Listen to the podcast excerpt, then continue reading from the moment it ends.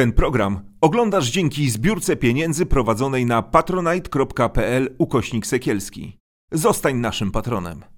Witam Was wszystkich. E, Nie wiem, czy się widzimy, czy tylko słyszymy. E, Ja się bardzo cieszę, bo zaprosiłem dzisiaj do studia współpracownika takiego e, kato-lewicowego magazynu Kontakt.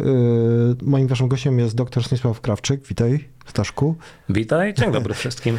E, Pretekstem naszego spotkania jest raport, który się pokazał na stronie magazynu Kontakt. To jest takie mm, pismo, które z tego, mm, co tutaj y, dowiedziałem się od Staszka, wychodzi w tej chwili kilka razy w roku w formie papierowej. E, W miarę regularnie ukazuje się w wydaniu takim internetowym. E, Przez jakiś czas nie było dotacji. Mam nadzieję, że teraz minister dostrzeże was i pomimo tego lewicowego charakteru uzna, że to jednak warto wspierać takie inicjatywy. A y, pracujecie, ciężko pracujecie i efektem tej pracy jest taki raport, y, raport, nad którym pracowało trochę osób, y, polscy biskupi, o czym nie mówią. I y, chciałbym, żebyśmy dzisiaj trochę o tych biskupach sobie spróbowali porozmawiać. I trudność chyba polega na tym, że mm, o ile słyszymy, że biskupi są bardzo dostępni, Mirosław Wlekły pisał, że na przykład z czeskimi biskupami umawiał się na piwo, Stasiu Obirek opowiadał, że z włoskimi to można się spotkać y, w, w cywilnych ubraniach, w jakiejś restauracji i porozmawiać. Wasz współpracownik, ojciec Kaproń mówił, że w Boliwii to gdzieś na drodze ci biskupi są obecni, e, zmierzają czasami po wiele godzin, wiele dni na jakieś nabożeństwa, natomiast o naszych biskupach nic poza takim e, sztywnym przekazem e, nie wiemy. Trochę to przypomina plenum partyjne jakieś, ludzi, którzy gdzieś tam przemówią, ktoś opublikuje ten ich głos. Do czego tak jest?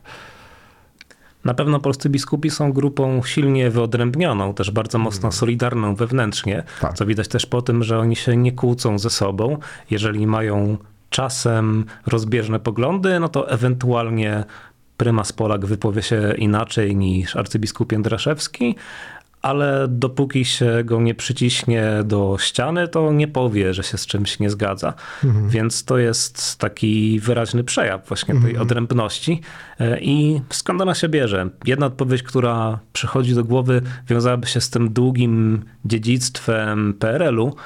Tak samo jak mówi się o Janie Pawle II na przykład, że był bardzo ostrożny w wyciąganiu konsekwencji wobec biskupów. To jest jedna z linii obrony, że był taki dlatego, że miał jeszcze na uwadze całą tę historię prześladowania rzeczywiście niektórych biskupów i księży w Polsce Ludowej. Taki może jeszcze w takiej instytucjonalnej pamięci polskiego episkopatu jest to jakoś zakodowane, że świat zewnętrzny jest jakoś nieprzyjazny. Plus do tego dochodzi kwestia tak zwanej rewolucji seksualnej albo obyczajowej szerzej od późnych lat 60., ale to nie jest jeszcze pełna odpowiedź, no bo sam wymieniłeś przykład Czech, które mają ze sobą trochę podobne uwarunkowania.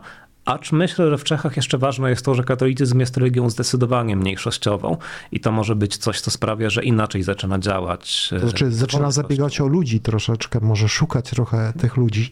Mi przyszło jeszcze do głowy, jak wspomniałeś o tych uwarunkowaniach historycznych, bo często się mówi, że Wyszyński bardzo dbał o taką jedność polskiego kościoła. E, Dla młodszych widzów prymas tysiąclecia, no niestety, a może stety, takie są realia, że trzeba to przypominać, e, który dbał o to, żeby, że taką, wskazywał, że taką wartością właśnie w kościele jest to, że kościół mówi jednym głosem o wszystkim, nie? E, I chyba to jest takie dziedzictwo. Natomiast wy podjęliście mm, się takiej ciężkiej pracy, bo chcieliście odpowiedzieć na pytanie, mm, o czym biskupi polscy mówią, ale też mm, przy okazji o czym nie mówią. Wiem, że ty byłeś y, autorem y, tego opracowania w tej części dotyczącej LGBT, mm, i e, analizowałeś te wypowiedzi. E, Co jest charakterystyczne w tych wypowiedziach? Jest jakiś wspólny mianownik, coś, co się powtarza, coś cię zaskoczyło może pozytywnie, a może utwierdziło w jakichś przekonaniach, które już miałeś? Chciałbym, żebyś trochę opowiedział naszym widzom. Jasne.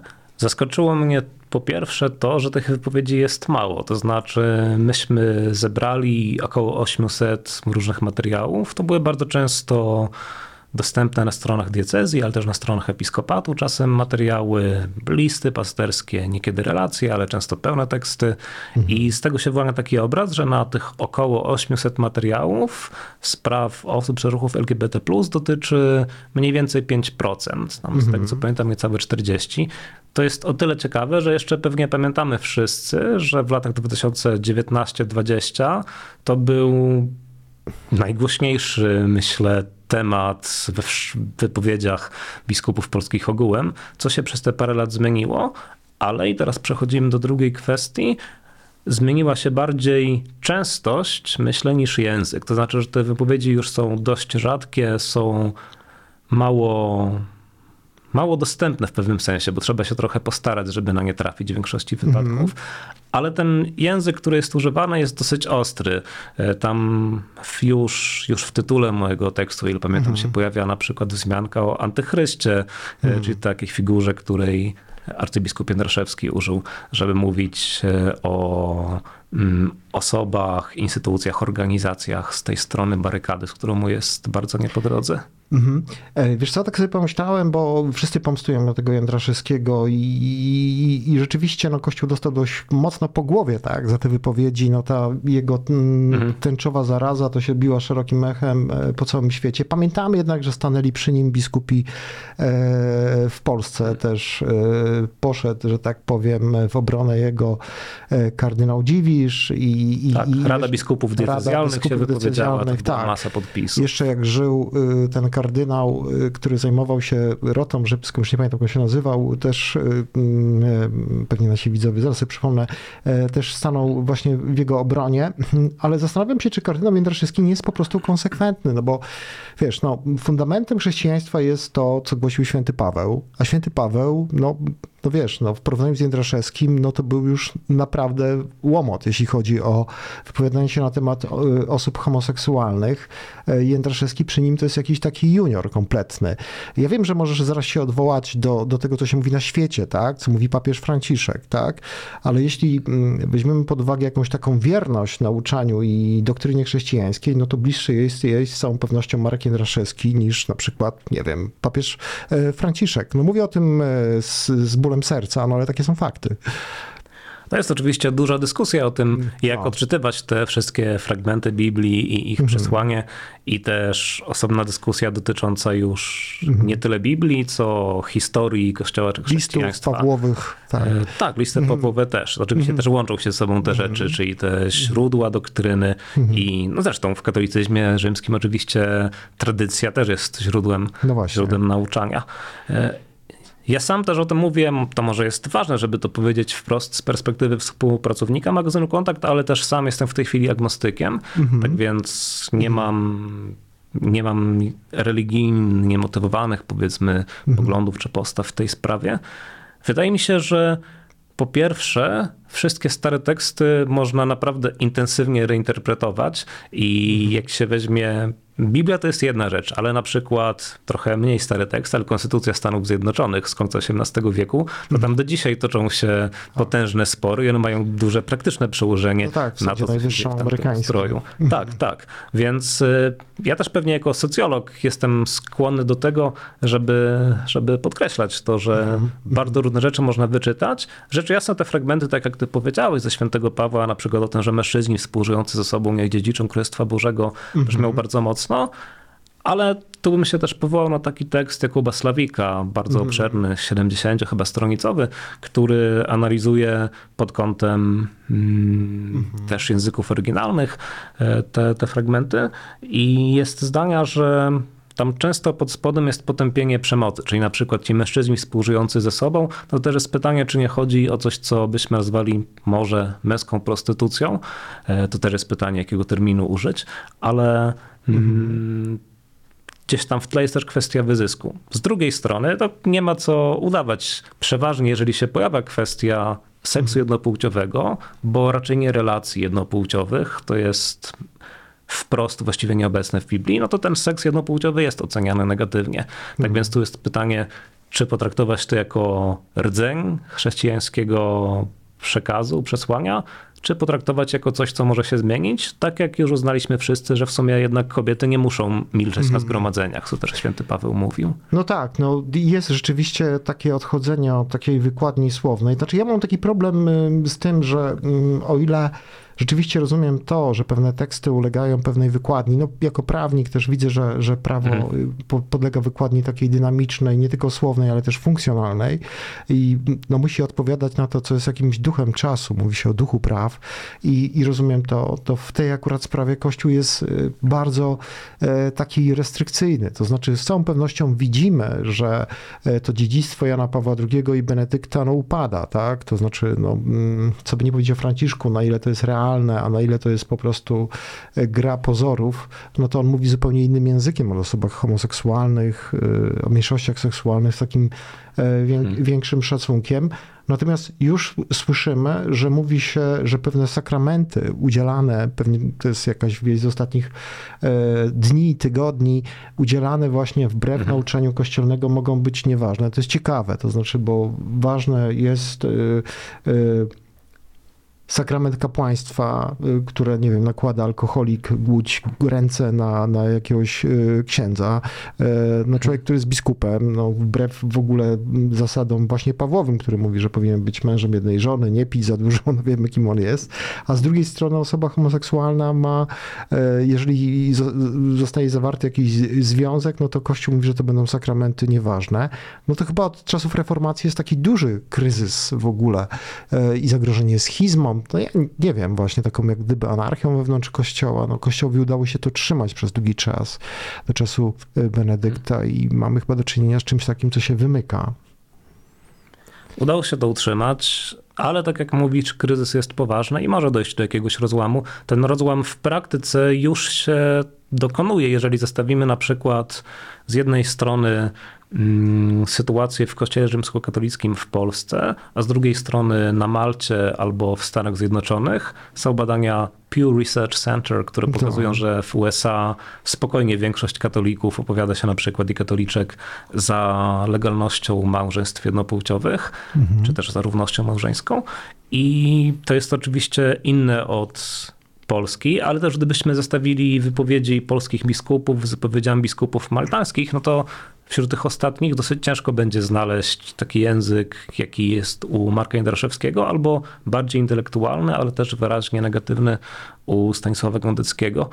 Więc w jakimś sensie to już jest rozłam, przy czym myślę, że trochę tak jak w obrębie Polski, tak i na całym świecie, biskupi jedni z drugimi nie polemizują aż tak dużo. Pewnie więcej, jakbyśmy pozbierali przykłady z całego świata, nie wiem, stanowisko niemieckich biskupów w sprawie drogi synodalnej, która ma, wydaje się, gdzieś na końcu jednak liberalizację nauczania Kościoła w różnych kwestiach.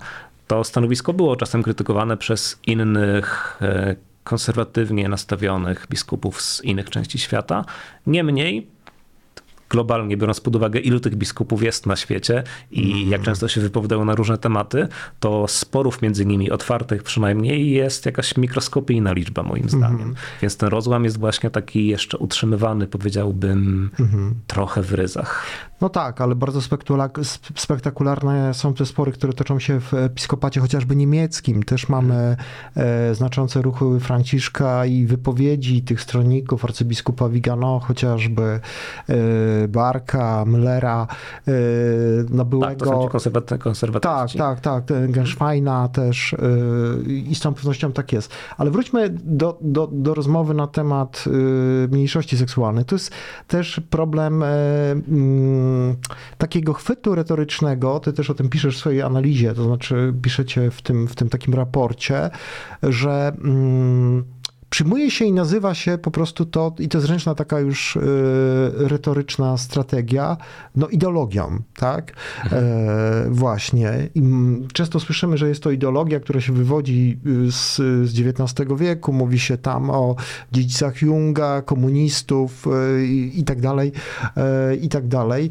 E, z czego to wynika? Z jakiejś takiej niewiedzy y, biskupów? No to jest przecież natura człowieka, tak? Taki kościół jest. No mówi się, że nie ma bardziej homoseksualnej grupy niż e, księża i myślę, że to nie są słowa obraźliwe, rzucane na wiatr, ale poparte pewnymi twardymi faktami.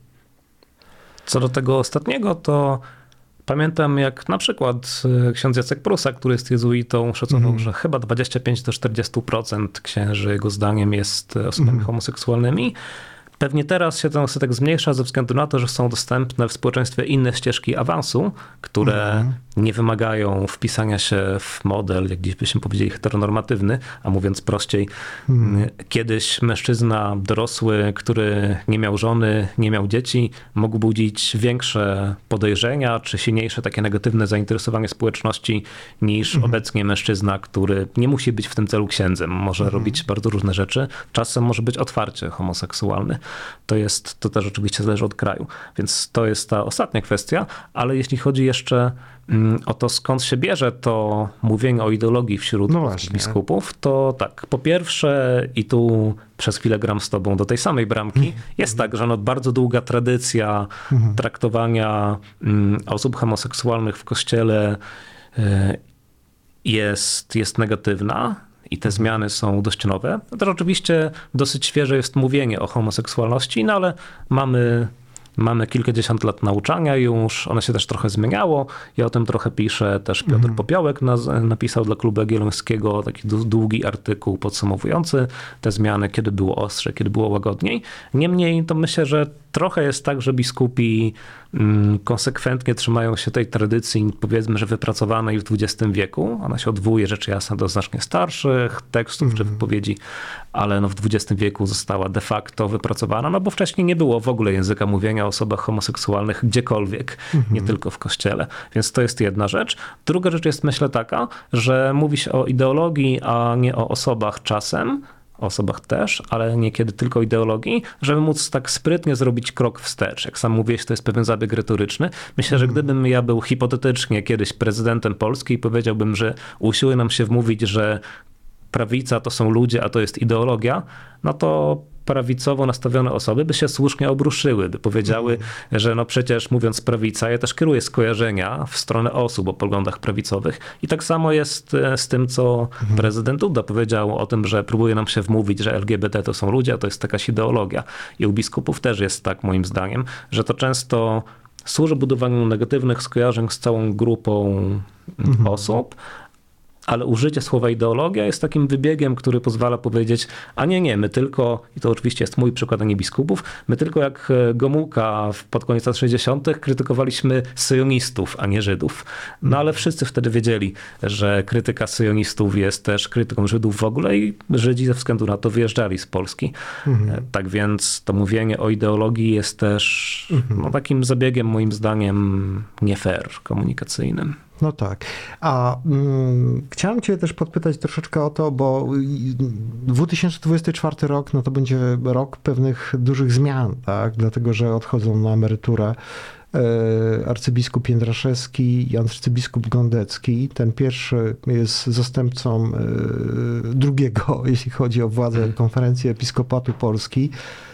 Panowie od dwóch kadencji są już y, szefami episkopatu. Polski Kościół ma ich twarze, tak? Y, I też chciałem się ciebie zapytać y, o taką oto rzecz, no bo y, odwołałeś się tutaj do badań amerykańskich dotyczących y, mm, jak gdyby poglądów katolików na temat homoseksualizmu. Myślę, że jeśli chodzi o aborcję, jeśli chodzi o kwestie związane no nie wiem, z, z powdu- powtórnym, y, jak gdyby sakramentem osób rozwiedzionych, y, które chcą zawrzeć małżeństwo, będzie podobnie. I nie masz takiego wrażenia, że episkopat jest oderwany od tego, co myślą katolicy. To znaczy, ja zakładam, że jest pewnie jakieś 20-30%, to się pokrywa z elektoratem e, PiSu. Ludzi, którzy no, nie wyobrażają sobie kapłaństwa kobiet, nie wyobrażają sobie związków partnerskich, nie wyobrażają sobie tego, że osoby homoseksualne będą wyświęcane, będą konsekrowane. Natomiast y, myślę, że znacząca większość katolików jednak również w Polsce, że te czasy trochę się zmieniło, ma trochę inny pogląd. I o ile przyzwyczajeni jesteśmy do tego, że mm, w pewnych korporacjach y, te zmiany no, muszą odpowiadać, państwowych zwłaszcza, tak, poglądom ludzi, tak, czyli no, mamy teraz no, bardzo progresywny w porównaniu do, do poprzednich, mimo wszystko jednak myślę parlament. Zmienia się pewna poprawność polityczna, którą widzimy w mediach, w prasie. No, widzimy, jak duża rewolucja tutaj zaszła i jest szansa, że zajdzie taka rewolucja w polskim episkopacie, że trafią tam jacyś ludzie, którzy troszeczkę się tak zorientują, że no tak dalej nie można po prostu. Myślę, że na początek jest pewna szansa, żeby mhm. ani przewodniczącym, ani wiceprzewodniczącym episkopatu po raz pierwszy od jakichś 20 lat nie była osoba, która broniła przestępstwa seksualnego, mhm. bo wcześniej się nie udało z Józefem Michalikiem, nie udało się z Markiem Jędraszewskim, tak, tak. który też, e, mhm. też pomagał Juszowi Pecowi. Mhm. E, no, może po 20 latach dojdzie do takiej zmiany. To jest pierwsza rzecz. Druga rzecz jest taka, że niewątpliwie jest jakaś różnica pokoleniowa między na przykład Stanisławem Gondeckim i Markiem Jedraszewskim, którzy są po 70, a choćby Adrianem Galbasem czy Damianem Muskusem. To są też mhm. tacy, tacy biskupi, których wypowiedzi się pojawiają w e, tak. przykładach, e, mhm. W tekstach towarzyszących naszemu badaniu jako przedstawiciele innego mm. sposobu myślenia, czy to o osobach LGBT, czy to o mm. ekologii i klimacie. Więc tu jest pewna różnica widoczna, ale z drugiej strony były badania Konrada, jeśli dobrze pamiętam, pędzi wiatra, socjologa krakowskiego, z której wynikało, co prawda nie wśród biskupów, ale że wśród księży seminaryjnych jest niesamowicie wychylone na prawo wahadło, tak naprawdę niesamowicie. Nie pamiętam w tej chwili dokładnych procentów, ale to były uderzające, uderzające Tak, tak wiem, że, że, że mhm. chodziło tam między innymi o to, że, że, mm, że taki międral to jest taki typowy produkt polskich seminariów. E, też spotkałem Trochę się tak. z tym. Tylko widzisz, Stasiu, no, to nam pokazuje, że tak naprawdę ci biskupi no, nie są reprezentantem e, społeczeństwa, wspólnoty wiernych, jeśli chodzi mhm. o jakiś przegrój e, poglądów, wrażliwości, natomiast są reprezentantami no, kleru, tak? To by pokazywało. W sumie coś w tym jest. Sam Kościół pewnie powiedziałby, że to ważne, żeby być znakiem sprzeciwu i tak dalej. Tam zdaje się, że w oryginale jest znakiem, któremu sprzeciwiać się będą, ale to już są detale w dodatkowym języku polskim, a przyznam, że nie wiem, jak jest to w oryginale. Ale w każdym razie z perspektywy samej instytucji jest jakiś sens, i ja to nawet rozumiem, w tym, żeby nie dostosowywać się po prostu do wszystkich zmian, Natomiast no też Kościół jest w stanie rozeznać na przykład, że tak zwana nowa ewangelizacja jest potrzebna w kwestii posługiwania się nowymi technologiami, nie wiem, metodami dyplomacji też. Wydaje się, mhm. że Kościół na świecie nie jest, nie jest najgorszy. No i istotnie jest tego, że te poglądy się raczej rozjeżdżają. To znaczy w Polsce znowu w badaniach Centrum Badań Opinii Społecznej, CEBOS-u, dość dobrze widać, że jest nie radykalna, nie bardzo szybka, ale jednak zmiana w postawach względem gejów i lesbijek, no bo te postawy są mhm. przeważnie badane w społeczeństwie, względem związków partnerskich. 20 parę lat temu to przykład, który dla mnie jest niesamowity. Mieliśmy w badaniu CEBOS oficjalnie zadane pytanie, czy Państwa zdaniem osoby tej samej płci pozostające w związku powinny mieć prawo do uprawiania seksu? Jakoś inaczej było to pytanie zadane. Tak, tak. I wtedy, słuchaj, 40% ludzi odpowiedziało, że nie powinny mieć prawa. tak. Ja boję się pomyśleć, o co mogło chodzić, czy to była wizja jakichś strażników moralności, moralności. państwowych stojących w sypialniach. No pewnie nie. Pewnie pewnie to też było zaskoczenie, że się o to w ogóle pyta, mhm. ale sam fakt, że się pojawiło takie pytanie mhm. i ludzie nie, jak nie zareagowali masowym stwierdzeniem, no oczywiście, że, no oczywiście, że tak. tak, tak. Czyli to, te, to, że my mówimy, że no przecież od zawsze jest mowa o tym, że po prostu wystarczy nie wchodzić do sypialni, wszystko będzie tak, dobrze, tak. no to do sypialni też, też wchodzono osobom e, mhm. w związkach tej samej płci. No i właśnie, ta zmiana zaszła w społeczeństwie szerzej, ale jeśli chodzi o, o biskupów, to tak, jakaś zmiana zachodzi, no ale pewnie jest znacznie wolniejsza mhm. I, i, zawsze się ciężko prognozuje. Jest to mhm. największe niebezpieczeństwo, myślę, dla socjologa, próba przewidzenia przyszłości. No ale jeden z wariantów jest taki, że to się będzie rozjeżdżać na tyle szybko i na tyle mocno, mhm. że już biskupi stracą też swoje polityczne znaczenie. To trochę było widać, a tym zakończę, trochę to było widać w wypowiedziach Stanisława Gondeckiego po pierwsze w sprawie in vitro, kiedy miała być podpisana ustawa, to Stanisław Gondecki zaapelował do prezydenta, żeby nie podpisywał jej. Prezydent w ogóle zignorował ten list i podpisał. Mhm. A ostatnio też była wypowiedź Gondeckiego w sprawie mm, Kamińskiego i Wąsika, tych posłów, nie posłów. No i mm, znów, ja myślę, że spora część z Państwa mogła w ogóle nie zarejestrować tego, że mhm. Stanisław Gondecki, przewodniczący Episkopatu Polski, coś w tej sprawie powiedział. To już nie są tak silne głosy, myślę, jak jeszcze parę lat temu. No tak, pomyślałem sobie też, jak ciebie tutaj słuchałem, że to chyba były też pierwsze takie wybory. No jesteś socjologiem, też możemy o tym chwilę pewnie porozmawiać, e, w którym ten głos Kościoła naprawdę był nieistotny. To znaczy Kościół po pierwsze, e, trzeba to przyznać, zbytnio się tam nie angażował poza pewnymi jak, jak gdyby wyjątkami, no bo wiedział, że po prostu straci, że najprawdopodobniej prawica przegra, a z drugiej strony jest tak chyba jak mówisz, że no badania są bezlitosne, tak? I mówią sprawdzam, no jest może kilka procent, kilka procent, nie kilkanaście nawet, kilka procent ludzi, dla których w ogóle jakiś biskup jest autorytetem e, w tej dziedzinie, a to by pokazywało, e, że zmienia się rola i trochę Możemy też popatrzeć na to już nie na takiej zasadzie, e, no właśnie, że topnieje ten, jak gdyby ta grupa, dla których biskupi są autorytetem, ale oni są w takiej dość trudnej sytuacji, bo to kiedyś e, trzeba było za nimi biegać, żeby zdobyć z nimi jakiś wywiad, żeby oni gdzieś przyjechali ten głos jakoś się liczył i nagle ci ludzie, którzy są przyzwyczajeni do takiego posłuchu, e, takiego miru, tak, nagle są zupełnie ludźmi bez żadnego znaczenia. Rozumiem, że to nie jest pewnie zachęta, żebym się bardzo rozwodził nad, no. nad tym, że biskupi są biedni. Nie, nie, nie. Chodzi mi o to, że, że, że po prostu, no wiesz, no, mają wszystko, no, mają pieniądze, mają władzę e, i tak, tak, takie, no, chcą być próżni jeszcze trochę, myślę sobie, no bo to jest e, taki naturalny e, stan rzeczy. No, masz wszystko, no to chcesz skoncentrować uwagę na sobie troszeczkę, a tego jest coraz mniej. Nie wiem jak z próżnością, ale niewątpliwie jest tak, że tak społecznie patrząc na to, co się dzieje, co można obserwować, to, no to biskupi mm, mieli do tej pory dużo sposobów docierania do szerszej mhm. świadomości, to znaczy byli słyszani, I, I pewnie w tym wypadku jest tak, jak mówisz, że kiedy się jest słyszanym, a później się ludzie odwracają, mhm. to jest problem. W czasie mm, strajku, strajku kobiet w 2020 roku mieliśmy taką scenę, którą pewnie część osób pamięta z, z nagrań, które krążyły, jak e, grupa nastolatek e, mm, z księdzem w, obok siebie tam wykrzykiwała na niego i, i w ogóle ogóle, w ogóle mm, one się nie przejmowały tym, że no to znaczy, no pod, pod, drugi Chrystus... E, tak, pod, pod kurią krakowską kilkaset osób szło, czy kilka tysięcy i krzyczało na Jędraszewskiego, Jędraszewski, no wypierdalaj, nie? No tego jeszcze w, w, w Polsce... E, nie grali. Nie grali, tak. Powiedz mi jeszcze, y, bo też chciałem się ciebie o to spytać, bo pewnie mamy już takie przykłady i może ty jako socjolog też, y, choć się pewnie tym nie zajmujesz, to być może masz jakieś zdanie, no bo no jesteśmy świadkami pewnej przemiany, to znaczy ten paradygmat tych biskupów, którzy mają dużo jednak do powiedzenia, którzy kształtują pewną opinię publiczną, e, no jest już nieaktualny, tak? Mamy nowe pokolenie zupełnie, które e, no przechodzi do porządku dziennego nad tym, co jakiś biskup mówi albo nie mówi. Nie?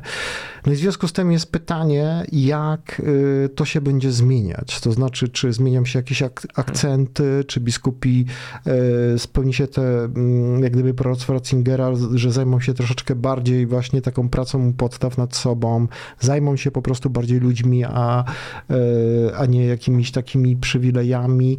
E, no jaki to będzie miało, krótko mówiąc, efekt, bo jakieś takie przykłady laicyzacji, która nastąpiła pewnie głównie za sprawą Jana Pawła II, to już nie jest e, tajemnica, dużo badań na ten temat i wypowiedzi mamy temat.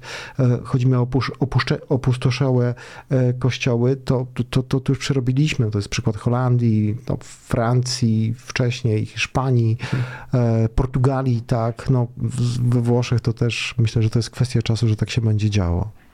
Mhm. Mm, tu trochę wbrew sobie powiem, że to jest też może nieoczywista zależność, w którą stronę, to znaczy czy na przykład ujawniania skandali seksualnych płynie spadek znaczenia Kościoła, czy może odwrotnie, to znaczy, ponieważ różne procesy cywilizacyjne podkopały pozycję Kościoła rzymskokatolickiego, ale też w ogóle instytucjonalnych religii, to dlatego jesteśmy w stanie zauważać te skandale, mówić o nich. Doszło do przekroczenia pewnej masy krytycznej gdzieś na początku XXI wieku, najpierw w USA, na tyle, że to rzeczywiście stało się skandalami, więc to jest myślę nieoczywiste, w którą stronę ta zależność zachodzi, no ale jakaś zachodzi i obserwujemy obie te rzeczy jednocześnie, czyli że z jednej strony skandale seksualne, z drugiej strony i też inne finansowe, z drugiej mhm. strony spadek znaczenia Kościoła jako pewnej siły kształtującej rzeczywistość. Ja Dopuszczam też taki scenariusz, w którym może dojść do jakiegoś taktycznego sojuszu, na przykład między częścią polskiej prawicy, a biskupami w jakiejś jeszcze sprawie w przyszłości ale wydaje mi się, że z biegiem lat to będzie coraz mniej prawdopodobne mhm. i że mm, jeśli chodzi o to, czym się biskupi będą zajmować, no to też jest tak, i znowu powiem to trochę wbrew sobie, pewnie kluczem do zrozumienia sytuacji biskupów i ich zachowania, zresztą to chyba wynika z naszej rozmowy, nie jest to, że są to indywidualnie źli ludzie, chociaż można mieć też takie poglądy moralne na ich temat, ale jest to, że są grupą zawodową, e, która w pewnym sensie, zawodowo, no niech będzie, bardzo mhm. solidarną wewnętrznie, która no właśnie nie musiała się mierzyć z tymi wszystkimi rzeczami do tej pory. Mhm.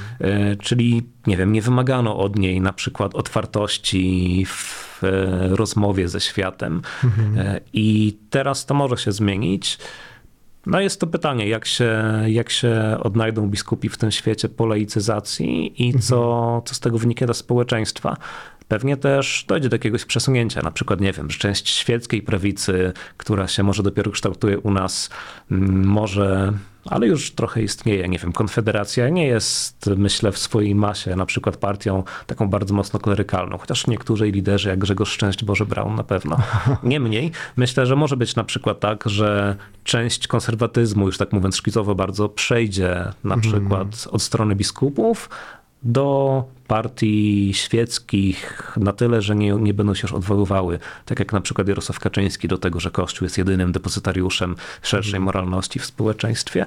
Myślę, że to może nastąpić. Czyli, że też będą się pojawiały być może nowe rodzaje konserwatyzmu, mhm. które w tej chwili my kojarzymy raczej właśnie z biskupami czy kościołem, a za jakiś czas będziemy kojarzyć z innymi grupami politycznymi czy grupami wpływu ale jeszcze jest też możliwe, że ten konserwatyzm się zmieni. To znaczy, że czym innym będzie konserwatyzm w Polsce za lat 10-15 i wyobrażam sobie na przykład takie, takie mm. sposoby mówienia o osobach LGBT+, że teraz to są nasi geje, których trzeba bronić przed islamskimi nachodźcami. To oczywiście nie mówię o swoich poglądach, ale mówię o tym, że też istnieje taki głos na przykład we Francji, e, czyli już, już geje są dobrze, już się mieszczą powiedzmy w, w zakresie zainteresowań prawicy. Ale to są nasi geje. Ale to są nasi geje. No i to nadal jest prawicowy pogląd, ale w innych realiach funkcjonujący niż u nas. Więc to czym będzie prawica i konserwatyzm, też może nas jeszcze zaskoczyć no. na fali tych przemian e, religijno-świeckich, o których mówimy. Ja też y, pomyślałem sobie, jak już y, do tych figur politycznych się odwołujesz, że rzeczywiście chyba nie jest przypadkiem, bo ja chyba przez wiele lat swojego życia żyłem w takim błędzie, gdzie myślałem sobie, że no przecież naturalne jest dla Jezusa lewicowość i tak dalej. A teraz sobie myślę, że właśnie naturalna jest bardzo to, to, ta prawicowość. To jest temat oczywiście na dużą e, dyskusję. Jest. E, ale to jest charakterystyczne, że e, no, tak naprawdę Kościół instytucjonalny, tak sobie myślę na przestrzeni historii, no nigdy nie stał po stronie właśnie tych osób, które były ciemiężone, tak. Oczywiście miał takie swoje ikony, które mógł wystawić i pokazać, że tutaj, no nie wiem, Kolber Romero zginął, powiedzmy. O Romero, tak, no, który wiadomo w jaki sposób był traktowany przez Jana Pawła II i przez y, Benedykta i ten prawicowy episkopat y, południowoamerykański. Natomiast chodzi o to, że zazwyczaj, no właśnie dobry przykład podałeś Salwadoru, y, Chile, no krajów Ameryki Południowej, no to mm, Kościół zawsze stał po stronie no właśnie latyfundystów, panów pańszczyźnianych. Ja to często powtarzam. E, historia pokazuje, że y, walnie przyczynił się do dławienia polskich powstań narodowych. E, ta historia jest strasznie zakłamana, ale to są e, jakieś takie fakty, I kiedy mówisz o tej prawicowej tradycji, no to jest taki nurt takiego warcholstwa, no bo jak już mówimy o polityce, to przecież to jest taki nurt, że właśnie ja jestem wolnym człowiekiem, odczepcie się ode mnie, mam swoją tradycję, swój kraj, nikogo tutaj innego nie wpuszczamy, mam sprawdzone poglądy. To jest takie właśnie reakcyjne myślenie, nie?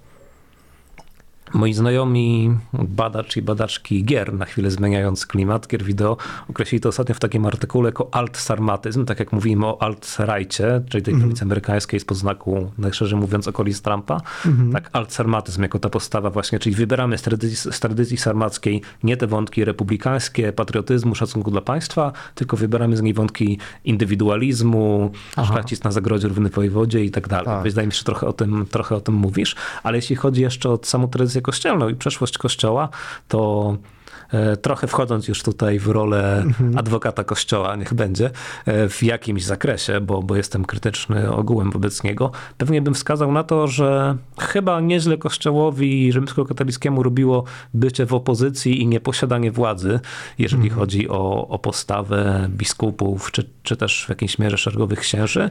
Jest taki tekst Jarosława Tomasiewicza, Sierp i Krzyż w Nowym mhm. Obywatelu, o ile dobrze pamiętam tytuł, mhm. Sierp i Krzyż, który opisywał przykłady takiego lewicowego zaangażowania biskupów czy wiernych w niektórych krajach Ameryki Łacińskiej, ale no też, tak jak mówiłeś o Salwadorze albo o Chile, mm. cała historia związana z nuncjaturą w Chile, no tak. Mm, y, z wizytą tak. tak Jana Pawła II, Pinocheta, długie historie na długie mm. rozmowy, no to też absolutnie nie chcę powiedzieć, że na przykład w Ameryce Łacińskiej przeważało lewicowe zaangażowanie kościoła rzymskokatolickiego. Były przykłady, ale zgodziłbym się generalnie, że po pierwsze, że, mm, że to nie była dominanta działalności kościoła w jego historii zdecydowanie, to stanie po stronie ciemiężonych, a po drugie, że hmm, chociaż to też może tam osobno dyskutować, no właśnie, że niebycie u władzy pomaga religiom mhm. instytucjonalnym. To nie tylko katolicyzmowi, e, nie wiem, E, ludobójstwa na Rohingjach, no to jest przykład tego, znaczy, że no buddyści no to... mogą być e, tacy. Tak, Też no... tego oczywiście, żeby bronić Kościoła, który w naszej mhm. rzeczywistości polskiej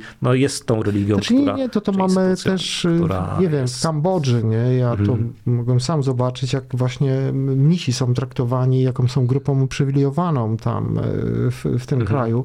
Władza i religia to jest niebezpieczne połączenie, tak super mhm. krótko mówiąc. A chciałem cię spytać, bo też trochę y, sam o tym mówisz, stawiasz się jako osoba osoba no, wątpiąca, tak jak rozumiem, gnozę, tak? E, mająca przeświadczenia o istnieniu czegoś, no tak to zawsze intuicyjnie odbieram. E, I zawsze się o to pytam. Oczywiście nie pytam o jakieś indywidualne doświadczenia, ale e, co myślisz, że tak, no bo też przeszedłem taką e, ewolucję, tak? Jestem w tej chwili osobą, która jest ateistą po prostu i, i generalnie mhm. mówię o tym publicznie, bo, bo tak jak kiedyś oczekiwano ode mnie się przyznało do swojej wiary, to mam tak, taką radość tego, że się do niej nie przyznaje, tak? E, jakie, jakie są Twoim zdaniem determinanty e, tej zmiany? No bo mówi się, no, pedofilia, ujawnienie skandali finansowych, a nie myślisz trochę, że dostęp po prostu do wiedzy, racjonalność, nauka, e, czy to tutaj dużo nie robi? No Kościół był zawsze przeciwnikiem takim wchodził w konfrontację, no przede wszystkim z oświeceniem, rewolucją francuską, którą o czci i wiary w wielu kazaniach i pismach odsądzano. Z oświeceniem tak. E, dosyć skomplikowany jest obraz średniowiecza, z jednej strony jest tak, że sporo wiedzy dawnej przetrwało w klasztorach, ale z drugiej strony też można powiedzieć, no dobrze, ale. Mm, ale że też na przykład podejście Kościoła do medycyny czy do astronomii w wieku XV czy XVI było dalekie od tego, które dzisiaj byśmy chcieli chwalić. Nie ale za Galileusza już przeprosili. Po pewnym czasie, tak. Tak, kilkaset lat czasie. potrzebowali. E, niemniej z rzeczy, których nie wymieniłeś, z czynników, których nie wymieniłeś, ja bym dodał bogactwo, to znaczy mhm. zamożność. I teraz mówienie o zamożności w kontekście Polski może brzmieć dziwnie. Ja też nie mówię, że jesteśmy w ogóle zamożnym krajem, ale tak relatywnie patrząc, y, w porównaniu z dużą liczbą krajów na świecie, warunki u nas, a nie mówił, że państwach zachodnich, gdzie oczywiście to jest jeszcze bardziej, warunki życia u nas są lepsze, nie idealne, ale lepsze niż w bardzo wielu innych państwach. Y, I też, mm, i też myślę, że ten dobrostan, dostęp do dóbr materialnych też zmniejsza zapotrzebowanie na pewien rodzaj pocieszenia, którego można doznać e, w, e, właśnie od religii.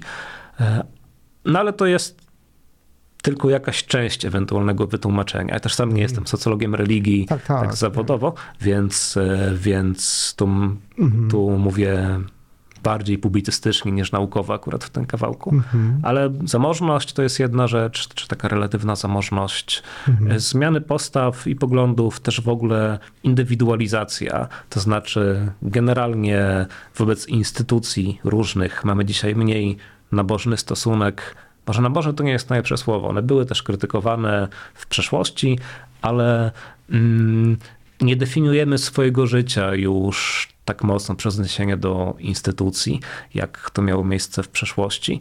Więc te zmiany, myślę, są w ogóle szerokie, wielopłaszczyznowe i one, e, no one raczej nie są, w, nie są powiedzmy w smak takim silnie zorganizowanym religiom, ale i to jest może ostatnia nuta, może jeszcze też się okazać, że Polska będzie w znacznie większym stopniu, nie wiem, zielonoświątkowa niż była do tej pory. To znaczy, jak się spojrzy na Amerykę Łacińską czy na Stany Zjednoczone, to, to też widać, że No, Afrykę też widzimy to, że to się tak, dzieje tak, powoli. również to. Mhm. Widać, że Mówisz czym innym jest zielonoświątkowieniu, tak? tak, Takim- tak, tak, Mhm. pentekostalizacji. Tak. Czym innym jest e, zaświadczenie w ogóle, a czym innym jest powiedzmy taki proces, w którym instytucjonalne religie tracą na znaczeniu e, i takie silnie zorganizowane, scentralizowane, ale jednak innego rodzaju wyznania, czy takie w cudzysłowie bardziej miękkie instytucje są cały czas obecne. No i to jest też pytanie szerokie z takiej socjologii sekularyzacji. Okej, Europa Zachodnia się zeświadczyła w bardzo dużym stopniu, ale Stany Zjednoczone, na przykład właśnie kraje Ameryki Łacińskie, tak jak mówisz o Afryce, to są społeczeństwa w sporym stopniu religijne wciąż. Więc to, w którą stronę pójdziemy, też może jeszcze nie jest zupełnie oczywiste. Chociaż gdybym miał obstawić e, trzy orzechy puste, to postawiłbym je na to, że będzie dochodziło do sekularyzacji takiej jak w Europie Zachodniej. Ale to stawię na to trzy puste orzechy. No zobaczymy, jak to będzie. Ja bym tak, jak ciebie przysłuchiwałem się temu, co mówisz, dodałbym jeszcze do tego, że e, dużo takich kryzysów psychicznych myślę, że też e, powoduje, że ludzie się tak e, otwierają, odwołują do Boga, tak? Szukają po prostu jakiegoś Na takiego przykład, uporządkowania swojego życia. Mówi się, że następne choroby cywilizacyjne to już nie tylko nowotwory, ale też przede wszystkim właśnie choroby psychiczne. O tak, tym się depresja. depresja y, i o tym się mówi. Y, Tak to wygląda. Wszystkich Was kończyć musimy. Odsyłam do tego raportu. Raport jest dostępny na stronie magazynu Kontakt. Y, Miejmy nadzieję, że, mm, że dojdzie jednak mimo wszystko do jakichś takich y, no, zmian, tak? bo mm, jest dużo wyzwań i dobrze by było mieć y, po swojej stronie sojuszników, chociażby w kwestii y, ekologii, praw pracowniczych. Wydaje się, że to są naturalne takie przestrzenie, w których Kościół mógłby dość dobrze y, funkcjonować. Radzenie sobie z problemami dotyczącymi migracji, tak, uchodźców, tak, uchodźczyń. tak, o tym też tak. jest Tych jeden z wyzwań jest, dość, wyzwań jest dość sporo.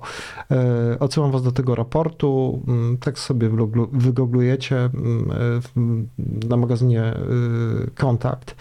E, Moim waszym gościem był dzisiaj dr y, Stanisław Krawczyk z Uniwersytetu Wrocławskiego. O was zapraszam. Za tydzień niebawem, myślę gdzieś tak mniej więcej za miesiąc, będzie Ignacy Dudkiewicz, bo e, czytam już jego nową książkę Pastwisko i powiem wam, że to będzie bardzo mocna rzecz. Dziękuję ci serdecznie. Dziękuję Ci i dziękuję wszystkim. Ten program oglądałeś dzięki zbiórce pieniędzy prowadzonej na patronite.pl ukośnik sekielski. Zostań naszym patronem.